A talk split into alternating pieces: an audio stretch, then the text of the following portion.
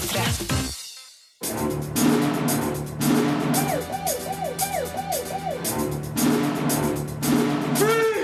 Filmpolitiet! What's your name, dude? Birger Vestmo. What kind of stupid name is that? The Hangover Part 3, Only God Forgives, Broken og Stoker har norgespremiere i dag. All filmene skal anmeldes, noen skal hylles, andre slaktes. Det skal òg synses og menes om ukas store TV-comeback, nemlig Arrested Development sesong 4. Gåten Ragnarok var en av de norske filmene som var til salgs under filmfestivalen i Cannes nylig. Jeg møtte folka bak. Oscar-vinner Brenda Chapman har vært på barnefilmfestival i Tromsø denne uka og etterlyser sterke filmkvinner. Og Nicolas Winding Reften skal fortelle hvorfor han foretrekker å jobbe med de samme folka når han lager film. Det gjaldt også Only God Forgives. Who fucking cares, spør Bradley Cooper to ganger i løpet av de første minuttene av Hangover 3. Og det virker å være hovedtanken bak hele filmen. Historie hvem bryr seg? Humor hvem bryr seg? Action hvem bryr seg? Figurutvikling vel, du skjønner tegninga. Hangover 3 er bare en skygge av hva trilogien starta som. Det som var en frisk og morsom komedie, er nå et konstruert og kjedelig actiondrama. Håpet er nok at filmen skal ri på opptjent popularitet fra de to første filmene, men det er rett og slett ikke nok. Alan, spilt av Zack Galifianakis, har det ikke helt bra, og blir kjørt til et hjem i Arizona av kompisene Phil, spilt av Bradley Cooper, Stu, spilt av Ed Helms, og Dog, spilt av Justin Bartha. Men på veien blir de stoppa av skurken Marshall, spilt av John Goodman, som er ute etter Chow, spilt av Ken Yong. Han har nemlig stjålet gull fra Marshall, og Alan er den eneste som har kommunisert med han. Nå må vennene finne Chow, ellers blir Dog drept. Can you take Stu instead? Historien kunne vært skrevet på en serviett i en bar, noe som faktisk ikke virker usannsynlig. Men det er ikke tynn historie jeg reagerer på, det er fraværet av humor. Det virker ikke som de forsøker engang. Det er nesten så jeg mistenker regissør Todd Phillips for å tenke at de her figurene var så morsomme i de to foregående filmene, at det er nok at de dukker opp. Det er det ikke. Det er riktignok sekvenser i filmen som er genuint morsomme, spesielt etter første del av rulleteksten, så helt kølsvart er det ikke, men det er altfor langt mellom høydepunktene til at lattermusklene får kjørt seg. Hey, Phil, kick yourself out a little bit. Alan. Det jeg særlig savner i filmen, er den første filmens drag av menneskelighet. Der hadde de fleste figurene en forankring i en gjenkjennbar virkelighet, mens her fremstår de som karikaturer av seg sjøl. Bradley Cooper ser ut som han helst vil bli ferdig, Ed Helms trenger et bedre manus å spille med for å fungere, og Zack Alefianakis spiller Alan med sliten innlevelse. Treeren gir dessuten på ingen måte noen forklaring på hvorfor de her tre fremdeles holder sammen. Yeah, that's the point. It's funny. Plakaten for Hangover 3 har slagordet The Epic Final of the Hangover Trilogy, men den føles mistenkelig lite episk. Det føles som et feilgrep å lage treeren som et mørkt actiondrama med snev av gammel moro. Den kommer sjølsagt til å tjene mye penger, men fortjener det ikke. Det her er venstrehåndsarbeid fra folk som kan bedre. De gidder bare ikke. For du vet, who fucking cares? I believe I can fly.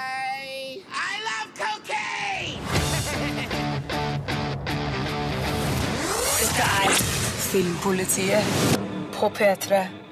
Nå skal det handle om ukas og kanskje årets store TV-comeback. Her er litt lyd fra Arrested Development, sesong fire. I'm a gentleman honey farmer. The only thing I've got back there are my bees. Beans? No, bees! Bees? Bees! Bees! Oh, bees!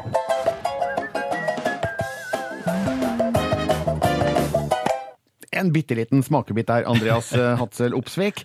Eh, Og når jeg sier eh, årets TV-comeback, hva, hva betyr det? Altså, Blant enkelte av vennene mine sånn på Facebook og, og diverse plasser, så skulle en jo nesten tro at det var Jesus tilbakekomst det var snakk om. Men det er bare snakk om Netflix, som har plukka opp fjerde sesong av TV-serien Arrested Development, som gikk fra 2003 til 2006. eh, Om familien Bluth, en, en sånn dysfunksjonell, horribel familie, og da en person som prøver å holde alt sammen. eh, Sønnen Michael. Ja, altså Det er sju år siden sesong tre gikk. Hvorfor tar Netflix opp det her nå? Eh, Den, som jeg sa, det, det er omtrent Jesus tilbakekomst der. Det, er, det, det har en enormt engasjert og velvillig fanskare.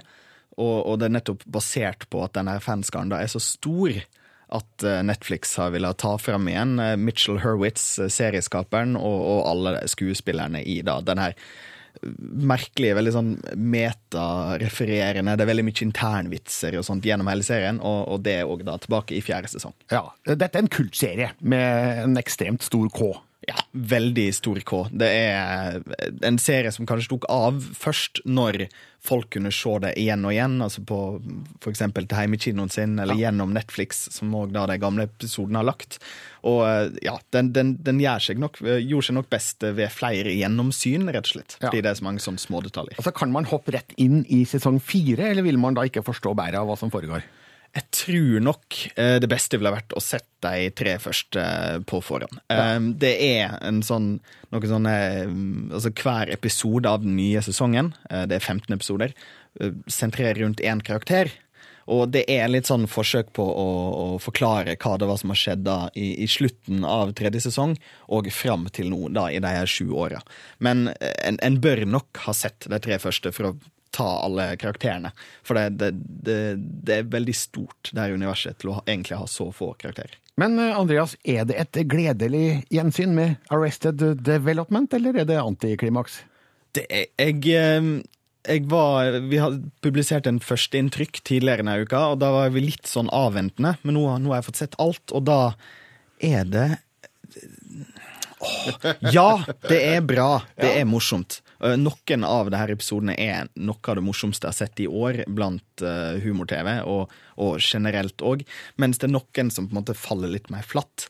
Fordi der de forrige episodene hadde Da var det litt sånn skulle være på ensemble, det skulle være hele gjengen, og det er dynamikken mellom familien som fungerte aller best.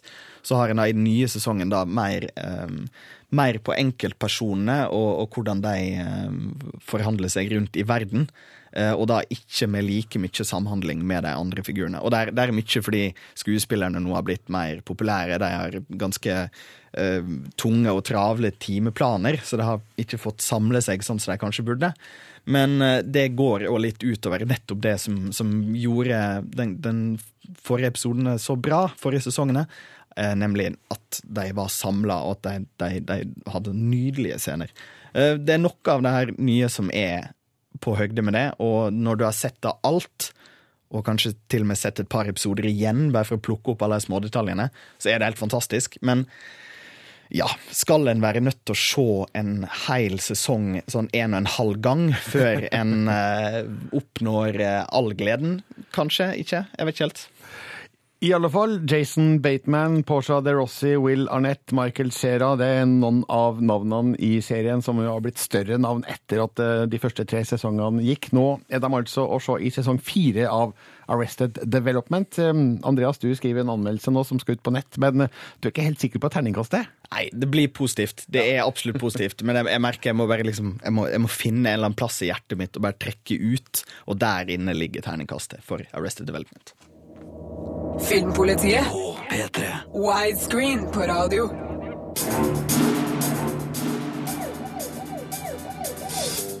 Og som jeg sa, filmfestivalen i Cannes ble avslutta sist søndag. Gullpalmen gikk til Blå er den varmeste fargen, som vil komme på norsk kino litt seinere i år, forhåpentligvis. Men eh, filmfestivalen i Cannes dreier seg ikke bare om eh, en eh, filmkonkurranse. Det foregår også et filmmarked under festivalen, der eh, nye og, eh, nye og uferdige filmer blir solgt til utenlandske oppkjøpere. Det er mye penger i det, og flere norske filmer var til salgs, for å si det sånn. En av de var Gåten Ragnarok, som vil få norgespremiere i oktober. Jeg møtte regissør Mikkel Brenne Sandemose og produsentene Martin Sundland og Are Heidenstrøm i Cannes, som fortalte om filmen og filmsalget. Dere kommer forstå, er at Oseberggraven er helt annerledes enn alt annet som er funnet. Dette er de eneste runene de fant i hele skipet. Little Louise Mother. Mennesket vet lite. Så hva var det de visste som vi ikke vet. Ragnarok er Norges første ordentlige action-adventure. Det er en uh, kjempespennende film som baserer seg på de mytene og mysteriene som finnes i Osebergskipet. Hva gjør dere med Ragnarok eh, i Cannes? Vi har hatt en eh, work in progress-visning, som det heter. Dvs. Si at uh, filmen er ikke helt ferdig, men vi har likevel uh, turt å vise den for internasjonale kjøpere fra hele verden her i Cannes, så vi har hatt to visninger av filmen. Mikkel, hvordan er det å screene en uferdig versjon av filmen uh, i det hele tatt? Ja, er, tanken på det, at noen sitter og ser uferdige ting, det er ikke hyggelig. Men man vet også at de eh, salgs- eller kjøperne de er vant til å se ting som ikke er helt ferdig. Eh, og det er helt tydelig at filmen ikke er på plass enda med effekter og alle de store tingene vi har igjen i prosessen frem til filmen er ferdig. Så det har egentlig vært bra med tanke på all den gode responsen vi har fått på visningene. Ja, hvordan har markedet i Cannes reagert? Vi har fått eh, enormt positiv feedback. Og jeg vet jo at uh, vår salgsagent har fått mange hyggelige tilbud. Så det blir jo spennende å se uh, i løpet av Cannes, eller etter Cannes, hvor vi kan gå ut med hva vi har lukket av avtaler. Så vi gleder oss til fortsettelsen.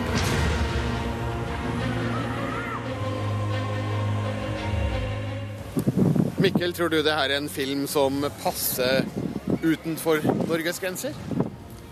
Filmen er først og fremst laget for det norske publikummet. Men har, eh, det er jo elementer som veldig tydelig interesserer alle.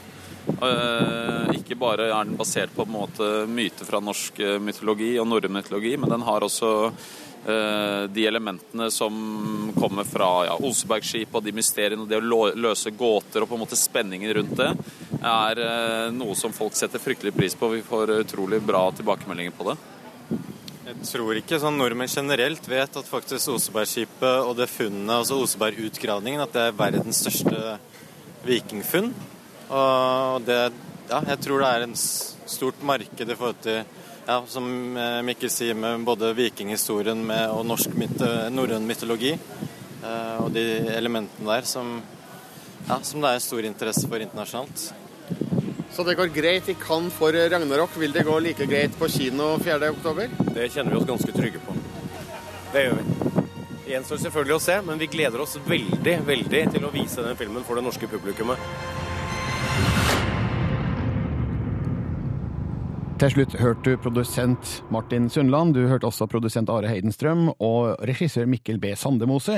Gåten Ragnarok har altså norgespremiere 4. oktober, med Pål Sverre Hagen, Nicolai Kleve Broch, Bjørn Sundquist og Sofia Helin i noen av de viktigste hovedrollene. Dette er, dette er P3.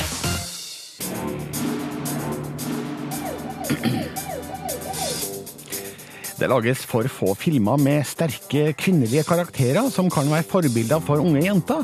Det mener den amerikanske filmregissøren Brenda Chapman, som sjøl vant Oscar for animasjonsfilmen Modig, om den modige kongsdattera Merida. Denne uka har hun vært i Tromsø i forbindelse med barnefilmfestivalen Verdens beste. Brenda Chapman mener mange filmer for barn viser et feil bilde av kjønnsrollene. They're waiting around to be rescued by a man, you know, and life just isn't that way. Chomp!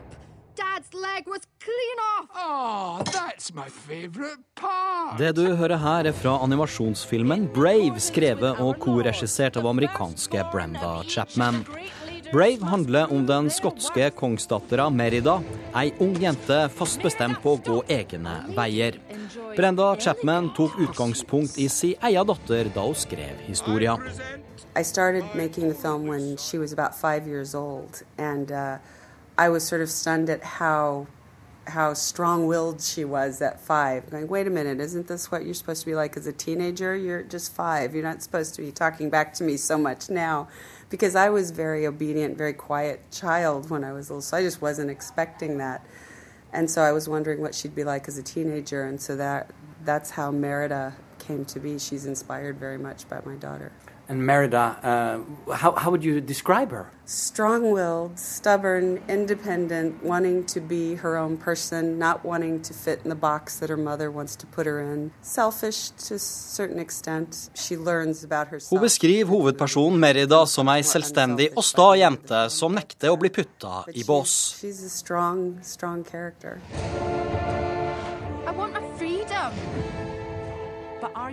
Brenda Chapman er i Tromsø i forbindelse med barnefilmfestivalen Verdens beste, som arrangeres for aller første gang denne uka.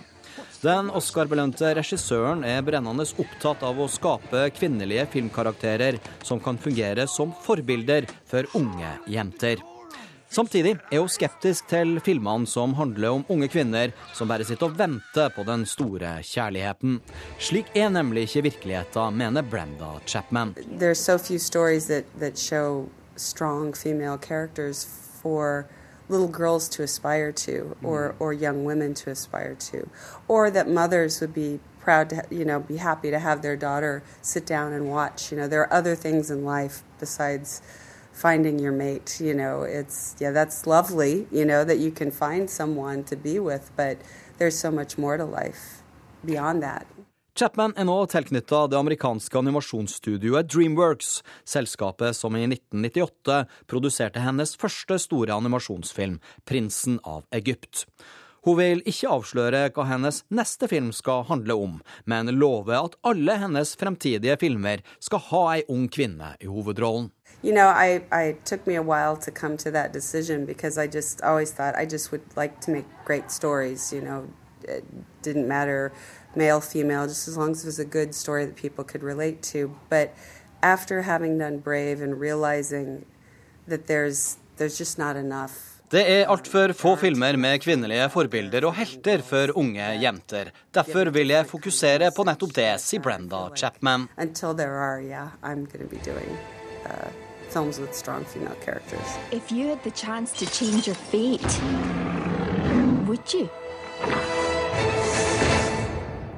Du hørte regissør Brenda Chapman, som altså har vært i Tromsø denne uka i forbindelse med barnefilmfestivalen Verdens beste. Reporter var Rune Norgård Andreassen. You too can bring the cinema experience right into your own home. Filmpolitiet. Widescreen, as it was meant to be seen. Cloud Atlas kom ut på Blu-ray og DVD i forgårs, og det er en film verdt å få med seg, skal vi tro min egen anmeldelse fra kinopremieren. Yesterday, my life was headed in one direction. Today, it is headed in another. Det er ikke mangel på ambisjoner i Cloud Atlas, et vågalt samarbeidsprosjekt mellom regissørene Andy Wachowski, Lana Wachowski og Tom Tykver. Dette er en stor og omfattende historie, basert på David Mitchells roman, med frigjøring og reinkarnasjon som sentrale temaer. Den utforsker òg hvordan alt henger sammen. Handlinger i ett liv kan skape ringvirkninger i et annet. Hver av historiene som fortelles, har sine distinkte særpreg og spenningsmomenter, men satt sammen kan det her iblant fremstå som et narrativt kaos som virker fremmedgjørende. Likevel må jeg bare beundre motet og ambisjonene i denne filmen. Friday the 15th, we made sail with the morning tide. Handlinga hopper mellom flere steder og tidsrom. Vi er på et skip i 1849, møter en britisk komponist i 1936, følger en journalist i 1973, en bokutgiver i 2012, en klone i nye Soul i 2144 og en skogsmann i den 106. vinteren etter fallet. Alle er i situasjoner hvor de er fanga av begivenhetene og kjemper for å frigjøre seg.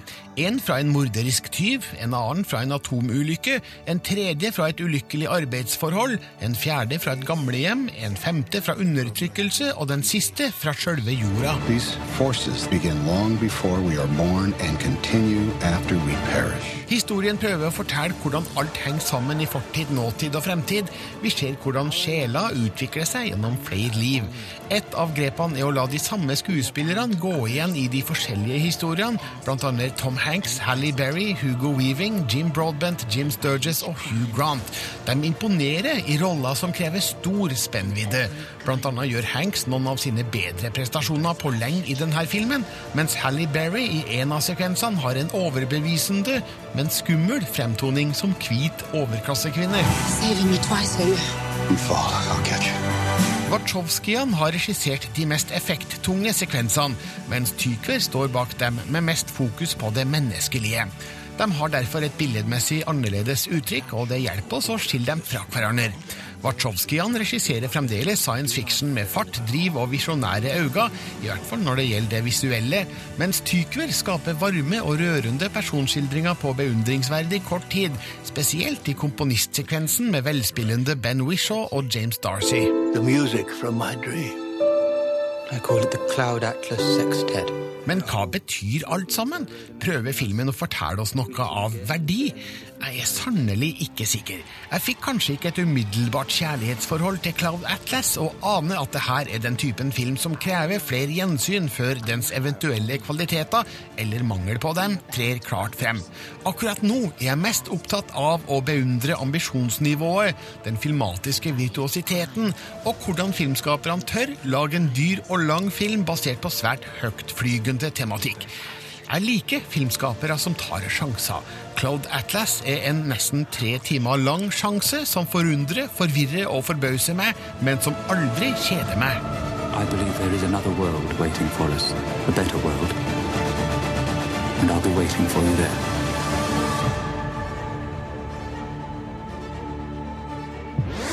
Er Filmpolitiet på P3. Og for deg som vil oppleve filmen i eget hus og hjem, så er Cloud Atlas nå ute på Blu-ray og på DVD.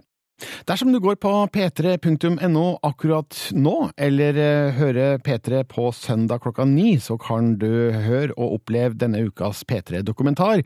Den heter Den neste Schwarzenegger, og da vekkes eh, filmnerden i, i meg. Og dokumentaren den er laga av deg, Sven Bisgaard Sunde. Det er han, vet du. Hvem er den neste Schwarzenegger? Du, det er en uh, fyr fra Mandal som heter Daniel Stisen. Eh, kanskje du har vært borti han før. Han spiller annet i en reklame for Radioresepsjonen som går på TV av og til. Ja, den med muskuløse menn på treningsstudio? Yes, for han er tidligere norgesmester i kroppsbygging. Derfor så har han da altså drevet på med det før, men nå er han liksom på vei over i skuespilleryrket. Og var- en av hans første roller var som eh, han spilte Bjarte Tjøstheim da, i denne Radioresepsjonen-reklamen. Ja, men eh, altså, hva er det han gjør nå som gjør at han tror han blir den neste Schwarzenegger? Eller håper å bli det? Han, har, han er en, kanskje et av de mest målbevisste menneskene jeg har møtt. Eh, Så han, Daniel her, han har bare bestemt seg for at han skal bli actionstjerne, for det har han drømt om hele livet. Så han har solgt leiligheten sin i Oslo, han har solgt bilen sin, eh, og så har han rett og slett bare flytta til USA. Ja, akkurat. Og, eh, for å liksom gi, gi det en, en, en sjanse. Hvorfor ikke? Du og Lars eh, H. Andersen har vært i Los Angeles og besøkt han. Ja, vi var der ei uke nå i tidlig vår. Og på en måte prøvde å finne ut litt eh, om, man, om han, har muligheten til å bli den neste Schwarzenegger, og, pr- og prøve å finne ut liksom hva, hvordan er det i Hollywood. Man har jo på en måte en, en idé sjøl, sånn fra utsida. Det høres jo veldig glamorøst ut, men man prøver å finne ut hvordan er det der egentlig. Ja, har, har du en smakebit eh, på hvordan dette er for noe? Ja, eh, han er jo over der og han går på Han, han øver på litt skuespill, og han øver på masse actiongreier og sånn. Men samtidig som han prøver å bygge seg opp en portfolio, da, så han er veldig opptatt av å ha gode bilder av seg sjøl. Så jeg tenkte jeg skulle få lov til å være med oss på en liten fotoshoot som vi hadde nede på Venice Beach. Eh, Det, det skjer noe ganske rart der. Det må nesten bare høre. OK. Litt sånn. Kanskje kommer litt fram. Bra. Hva faen, knuse deg! Ja, en til. Faen! En gang til. Din jævel! Der snakker vi. Det ble mye banning her, men eh, vi må gjøre noe for å få bildet. Faen. Det ser helt jævlig ut. All right. Ja, Mhm. nei, men eh, ikke noe å si på energien og innlevelsen, kanskje? Sånn høres det ut når du skal liksom mane fram eh, blikket. da. Det råskapen i blikket, så blir det litt banning. Men, Ja, eh, det, var, det var veldig gøy å være med på.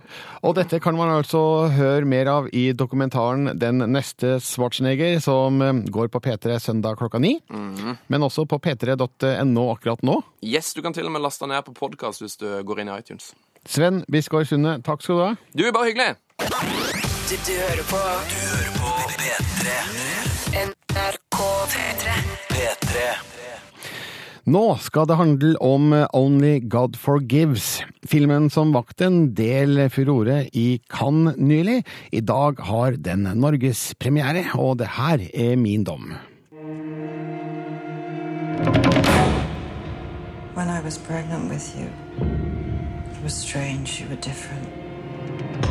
Den som forventer en ny Drive, blir skuffa. Den filmen ser mer og mer ut som et kommersielt unntak for den danske regissøren Nicolas Winding Refn. Med Only God Forgives er han tilbake i det smale, sære kunstfilmlandskapet han navigerte i med filmene Bronson og Valhalla Rising. Det handler ikke om spesifikk historiefortelling, mer om stemninga og voldsestetikk. Filmen er ekstremt vakker, samtidig som den er ekstremt stygg. Og den gjør det ikke lett å være publikum, både fordi noen voldsscener er ekstremt stygge, og fordi historien ikke følger et vanlig narrativ. Meningene er dømt til å bli delte, men jeg er betatt av filmens estetiske kvaliteter og Vinding Refsens vilje til å gå innover når alle kanskje trodde at han etter Drive skulle gå utover. Jeg skjønner nå hvorfor regissøren ikke ville diskutere historien forut for premieren. Det er rett og slett ikke så mye å diskutere. Julian, spilt av Ryan Gosling, er narkosmugler i Bangkok som blir satt under press av sin iskalde mor, spilt av Christine Scott Thomas, for å hevne brorens død. Julian kvier seg, men blir tvunget inn i voldsspiralen. Det er som Vinding Reften sier, budskapet handler om at handlinga får konsekvenser. Kort tid ute i filmen skjønner man hvor veien går, nemlig langt utafor allfarvei. Sekvensene males ut i sakte tempo, avbrutt av korte og intense voldseksplosjoner. Fotograf Larry Smith har lysatt filmen for å fremheve Østens sterke fargekontraster, gjerne bada i neonlys. Komponist Cliff Martinez underbygger den dystre dunkelheten med kraftige lydbilder som signaliserer at det her ikke er et hyggelig univers. Vinding Reften tar i bruk signaler og symbolikk som noen ganger er åpenbare, andre ganger må de tydes, og hans inspirasjon fra asiatisk film er åpenbar.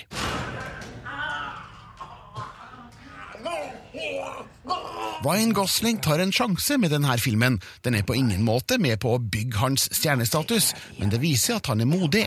Han spiller beherska og kontrollert, han sier nesten ikke et ord og ler nesten ikke på et øyenbryn. Her er metoden åpenbart less is more, mindre er mer. Men den store åpenbaringa i filmen er Kristin Scott Thomas som den skarpe og uforsonlige mora. Hun fremstår som svært farlig, lite moderlig og avleverer bitende dialog med skummel troverdighet. Det ligger òg en Ødipus-tematikk i filmen som når en sjokkerende konklusjon, der symbolikken er overtydelig. Only God Forgives er altså et ballespark til alle som forventer Drive 2. Det er ikke en slik film. I stedet slutter den med en dedisering til den chilenske filmskaperen Alejandro Jodorowsky, kjent for merkelige, surrealistiske filmer med sjokkerende innhold. Og man skjønner hva Vinding Reften prøver på. Han får kanskje ikke flere tilhengere etter det her, men dem han har fra før, må nå på kino for å oppleve hans siste kunstverk, og etterpå diskutere hva alt betyr. Hvis det betyr noe.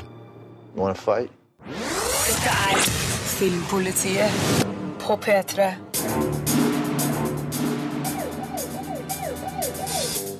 I forrige utgave av Filmpolitiet hørte regissør Nicolas Winding Reften fortelle om innspillinga av Only God Forgives i Bangkok, og hvordan han liker å gjøre det uventa i sine filmer. Likevel er det viktig for han å ha en trygg plattform å stå på når han utøver sin kunst. Han jobber tett med mange av de samme folka fra Drive og tidligere filmer, som klipperen, fotografen, komponisten og Ryan Gosling. Det er viktig for han å ha de riktige folka rundt seg fortalte Nicolas Winding Reften da jeg møtte han i Cannes.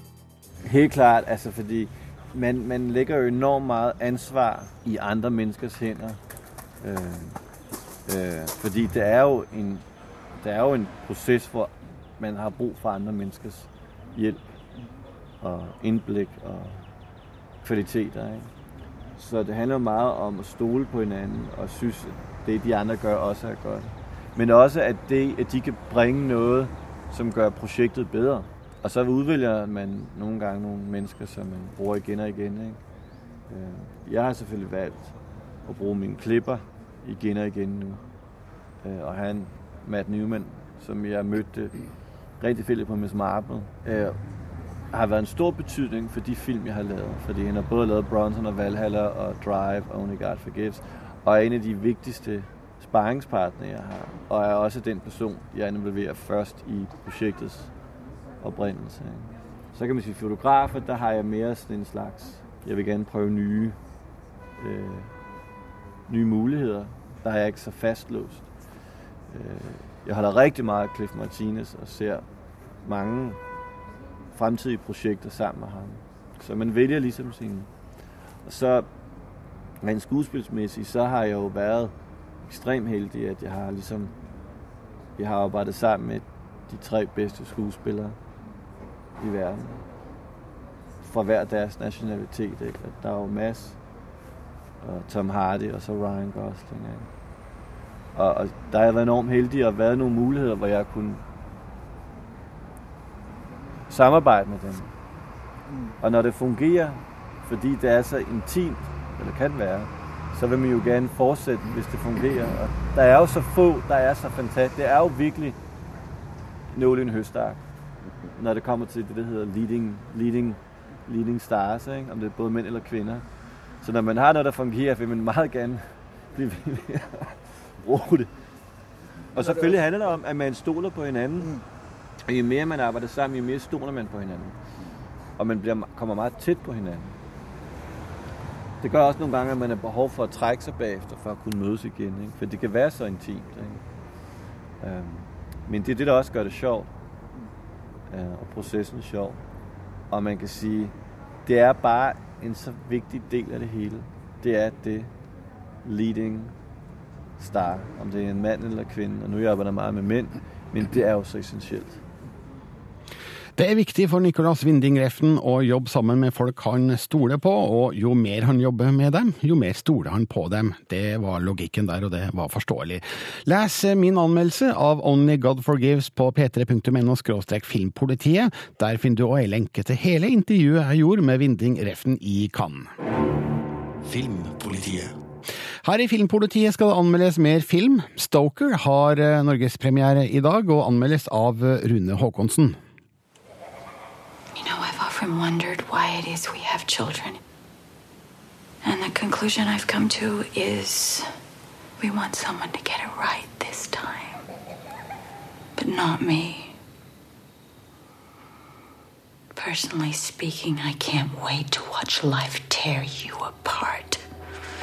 Sørkoreanske Chan Wook Park har de siste ti årene fått mye fortjent oppmerksomhet for sin utforskning av menneskelige ytterpunkter. Med Sympathy for-trilogien, og da spesielt Oldboy fra 2003, slo han gjennom til et internasjonalt publikum med skildringer av mennesker i ekstreme situasjoner, hvor han også lot publikum sanselig få oppleve hovedfigurenes årelange lidelser, gjennom stilisert vold og et øye for detaljer. I hans vestlige debutfilm er denne stilen klart tydelig, men kort tid etter filmen 'Stokers' start er det tydelig at Park ikke følger skrekkfilmsjangerens konvensjoner, selv med et navn fylt av referanser som Stoker. På sakte og tålmodig vis, inspirert av spenningsmesteren Alfred Hitchcock, bygger Park opp mot filmens klimaks. Når den stadig voksende spenningen utløser et drap eller en annen voldsom situasjon, fryser regissøren tiden og studerer estetikken i øyeblikkene. Og her finnes også Stokers hovedproblem. Filmen innbyr til granskning og studier mer enn å forføre eller fortelle en levende historie. Indigo, is something wrong? Yes. My father is dead. På 18-årsdagen til India Stoker, spilt av Mia Wasikowska, dør faren i en tragisk bilulykke. Moren, Evelyn, spilt av Nicole Kidman, drikker alltid et rødvinsglass for mye og har et dårlig forhold til sin sosialt isolerte datter. I begravelsen dukker onkel Charlie, spilt av Matthew Good, opp. Han har vært bortreist i mange år og aldri blitt kjent med sin niese. Men nå ønsker han å bli boende i den gamle villaen som ligger ved enden av en vei som starter med en tung og symbolsk smijernsport. Charlies inntreden i filmen er som en beretning om et varslet mord eller noe annet forferdelig. Iskald ansiktsmimikk fører Good sitt sjarmerende ansikt rett inn i psykopatland. Charlie er en robot, et skadet menneske, som har programmert inn i hjernen hva han skal gjøre, og hvorfor han har kommet tilbake til Stoker-familien etter mange år i utlandet. Hey, Stoker, or do you go by Stroker now? Because I hear that's what your mom's been doing to your uncle. Stoker er stilbevisst filmet av regissøren Parks faste fotograf Chong Chong-hoon. Bildene varierer fra å være mettet med detaljer til å være tomme, foruten menneskene foran kamera. Park leker med tid, kryssklipper situasjoner og tidslinjer. Bare det å kle av seg for å gå i dusjen blir en kompleks montasje av bilder som forteller noe mer om den unge jenta Indias herjete indre. Sammen med lydsporet til filmen presses sansene til publikum i salen. Filmen er visuelt spennende og innbyr til analyse, men den engasjerer lite. Øyeblikkene hvor spenningen tipper over i handling og fortellingen plutselig går over i et annet gir, bryter denne forutsigbarheten og er filmen Stokers aller beste øyeblikk. We're family.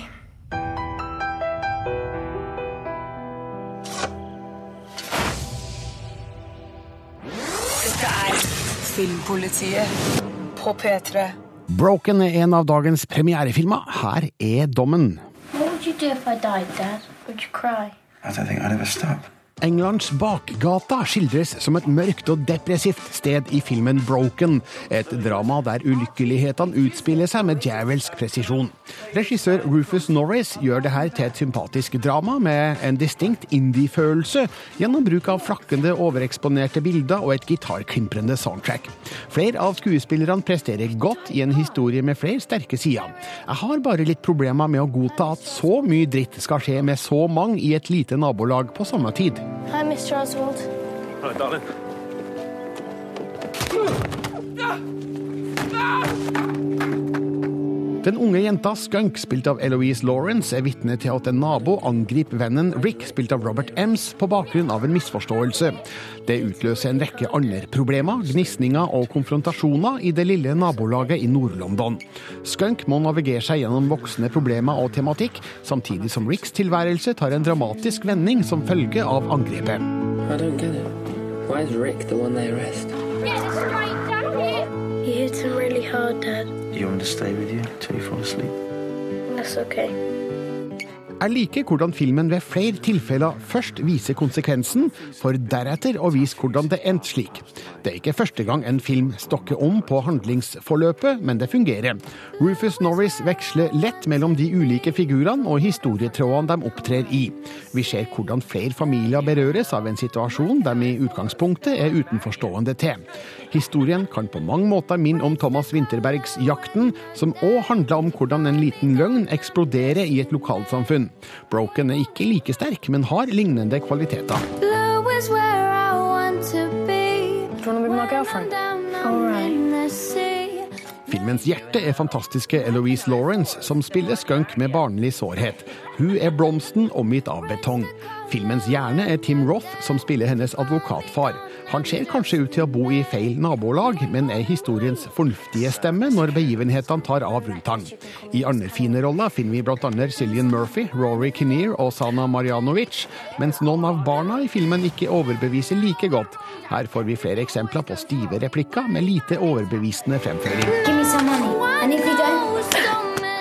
Broken er sympatisk og velmenende, men mitt lille problem med filmen er hvordan den ene tragiske utviklinga etterfølger den andre med mistenkelig god timing.